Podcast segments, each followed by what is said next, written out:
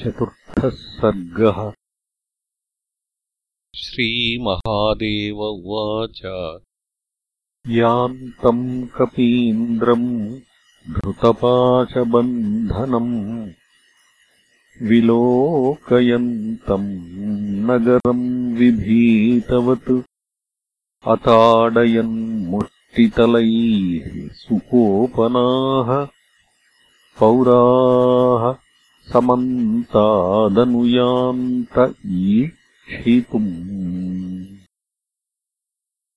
ब्रह्मास्त्रमेनम् क्षणमात्रसङ्गमम् कृत्वा गतम् ब्रह्मवरेण सत्वरम्। ज्ञात्वा हनूमानपि फल्गुरज्जुभिर्धृतो ययौ कार्यविशेषगौरवात्। सभान्तरस्थस्य च रावणस्य तम् पुरोनिधायाः बलारिजित्तदा बद्धो मया ब्रह्मवरेण वानरः समागतोऽनेन हता महासुराः। यद्युक्तमत्रार्यविचार्यमन्त्रिभिर्विधीयतामेष न लौकिको हरिः। ततो विलोक्याः स राक्षसेश्वरः। प्रहस्तमग्रे स्त्रितमञ्जनाद्रिभम् प्रहस्तपृच्छयीनमसौ किमागतः? किमत्र कार्यम् कुत एव वानरः? वनम् किमर्थम् सकलम् विनाशितम्?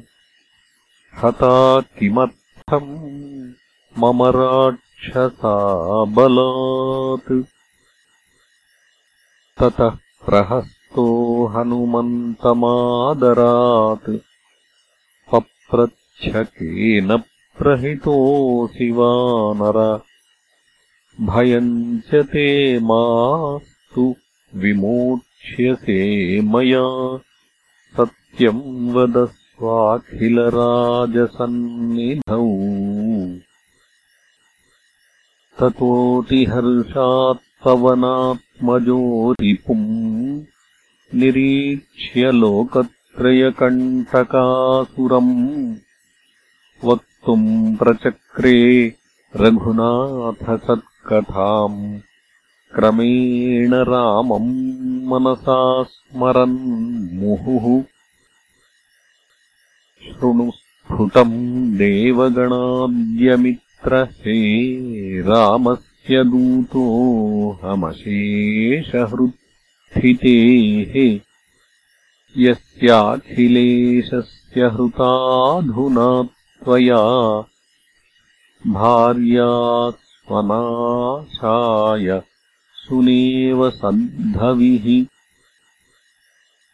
स राघवोऽभ्येत्यमतङ्गपर्वतम् सुग्रीवमैत्रीमनलस्य सन्निधौ कृत्वैकबाणेन निहत्यवालिनम् सुग्रीवमेवाधिपतिम् चकारतम्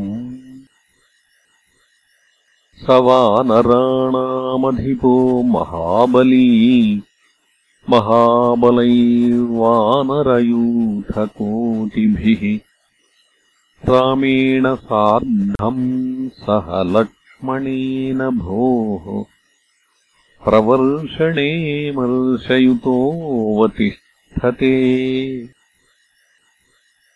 सञ्चोदितास्तेन महाहरीश्वरा धरासुताम् मार्गयितुम् दिशो दश। तत्राहमेकः पवनात्मजः कपिः सीताम् विचिन्वन् शनकैः समागतः। दृष्टा मया पद्मपलाशलोचना सीता कपित्वाद्विपिनम् विनाशितम्।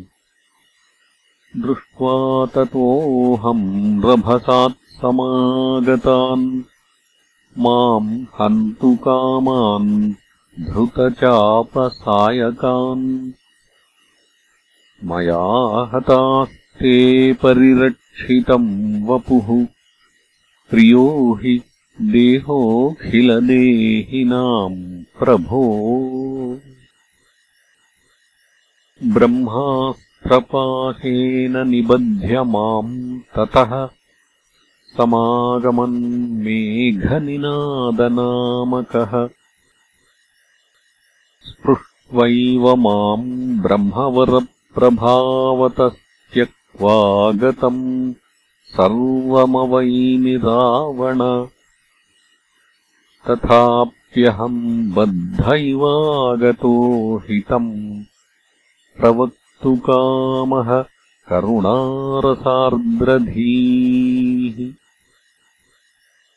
विचार्य लोकस्य विवेकतो गतिम् न राक्षसीम् बुद्धिमुपैः रावण दैवीम् गतिम् संसुतिमोक्षहैतुकीम् समाश्रयात्यन्तहिताय देहिनः। त्वम् ब्राह्मणो ह्युत्तमवंशसम्भवः पौलस्त्यपुत्रोऽसि कुबेरबान्धवः। देहात्मबुद्ध्यापि च पश्य राक्षसो। नास्यात्मबुद्ध्या किमु राक्षसो न हि शरीरबुद्धीन्द्रियदुःखसन्ततिर्न तेन च त्वम् तव निर्विकारतः। अज्ञानहेतोश्च तथैव सन्तते। रसत्वमस्याः स्वपतो हि दृश्यवत्। इदम् तु सत्यम् तव नास्ति विक्रिया।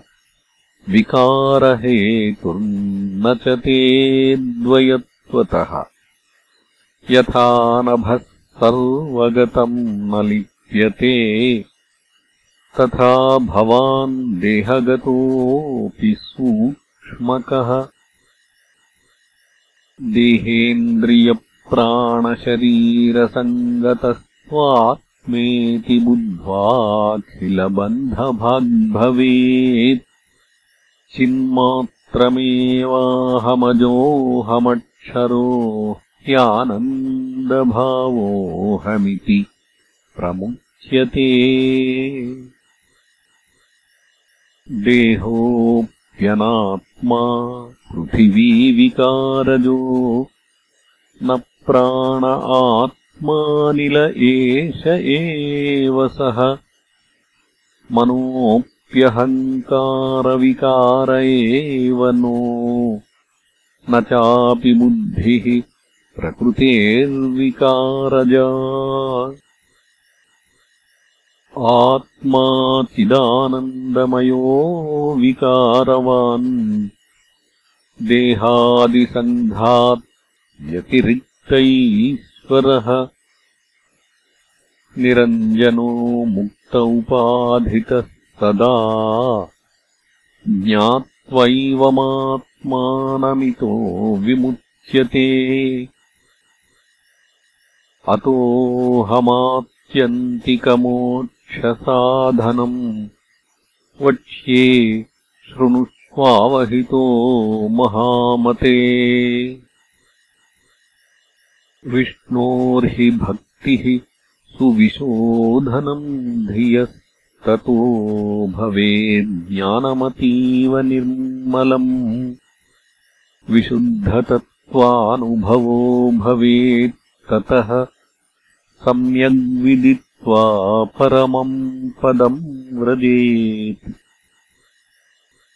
अतो भजस्वाद्य हरिम् रमापतिम् रामम् पुराणम् प्रकृतेः परम् विभुम् विसृज्यमौर्ख्यम् हृदि सौभावनाम् भजस्वरामम् शरणागतप्रियम् सीताम् पुरस्कृत्य सपुत्रबान्धवो। रामम् नमस्कृत्य विमुच्यसे भयात्। रामम् परात्मानमभावयन् जनो। भक्त्या हृदिस्थम् सुखरूपमद्वयम्। कथम् परम् तीरमवाप्नुयाज्जनो भवाम्बुधेर्दुःखतरङ्गमालिनः। नो चेत् त्वमज्ञानमयेन वह्निना।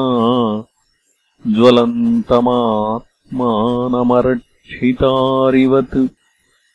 नयस्यधोधः स्वकृतैश्च पातकैर्विमोक्षशङ्का न च ते भविष्यति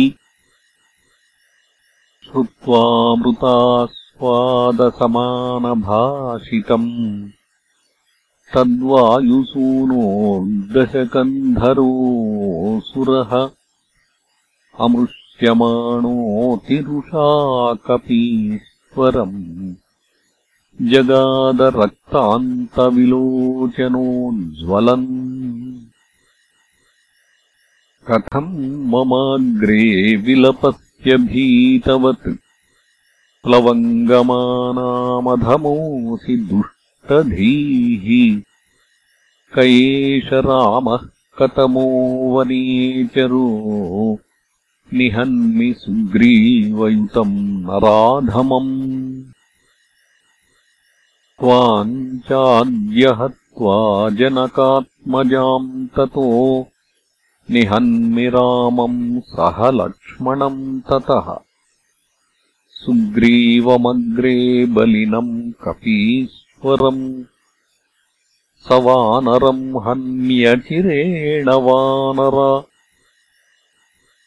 श्रुत्वा दशग्रीववचः स मारुतिः विवृद्धकोपेन दहन्निवासुरम् न मे समारावणकोटयोधम रामस्य दासोऽहमपारविक्रमः।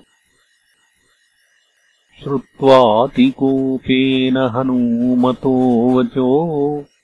दशाननो राक्षसमेकमब्रवीत् पार्श्वे स्थितम् मारय खण्डशः कपिम् पश्यन्तु सर्वे सुरमित्रबान्धवाः। निवारयामास ततो विभीषणो।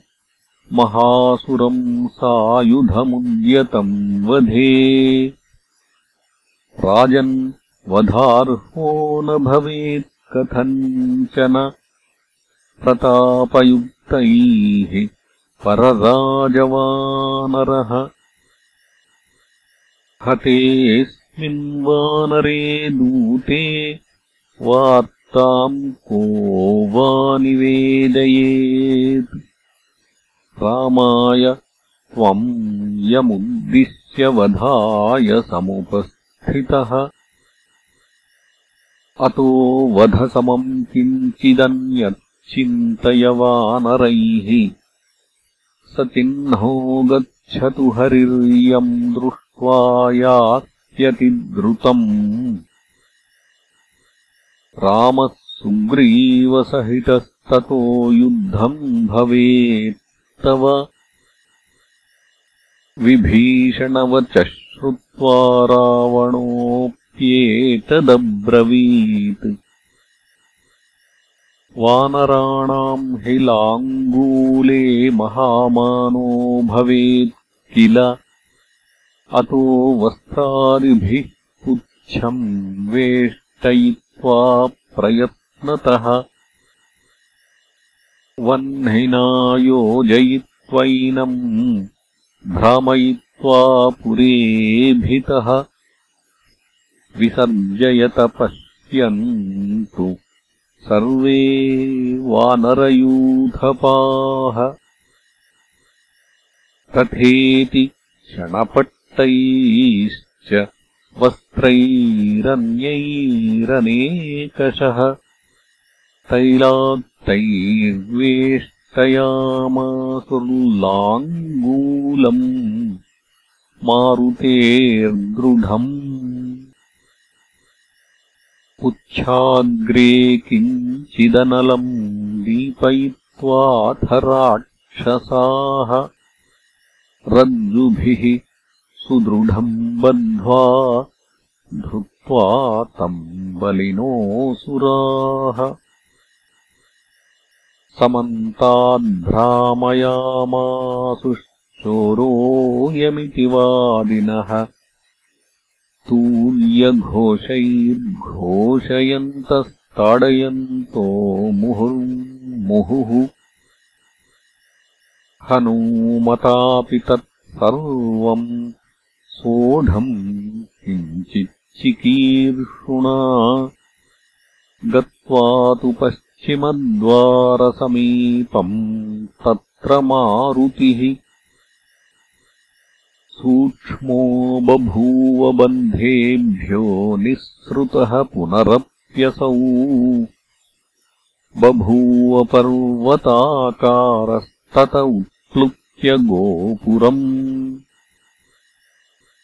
तत्रैकम् स्तम्भमादाय हत्वा तान् रक्षिणः क्षणात्।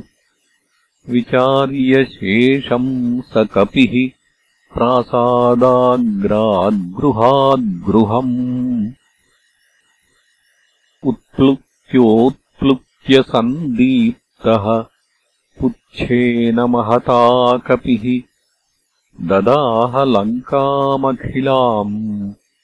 साट्टप्रासादतोरणाम्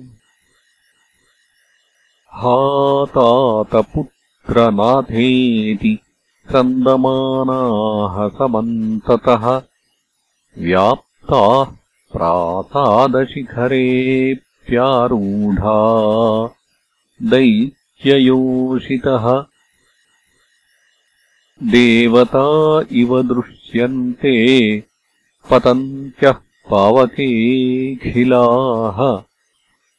विभीषणगृहम् त्यक्त्वा सर्वम् भस्मीकृतम् पुरम्। तत उत्प्लुत्य जलधौ हनुमान्मारुतात्मजः लाङ्गूलम् मज्जयित्वान्तः स्वस्थचित्तो बभूवसः वायोः प्रियसखित्वाच्च सीतया प्रार्थ नलः न ददाह हरेः पुच्छम् बभूवात्यन्तशीतलः। यन्नाम संस्मरणधूतसमस्तपापाः तापत्रयानलमपीहतरन्ति सद्यः। तस्यैव किम् रघुवरस्य विशिष्ट दूतः सन्तप्यते कथमसौ प्रकृतानलेन।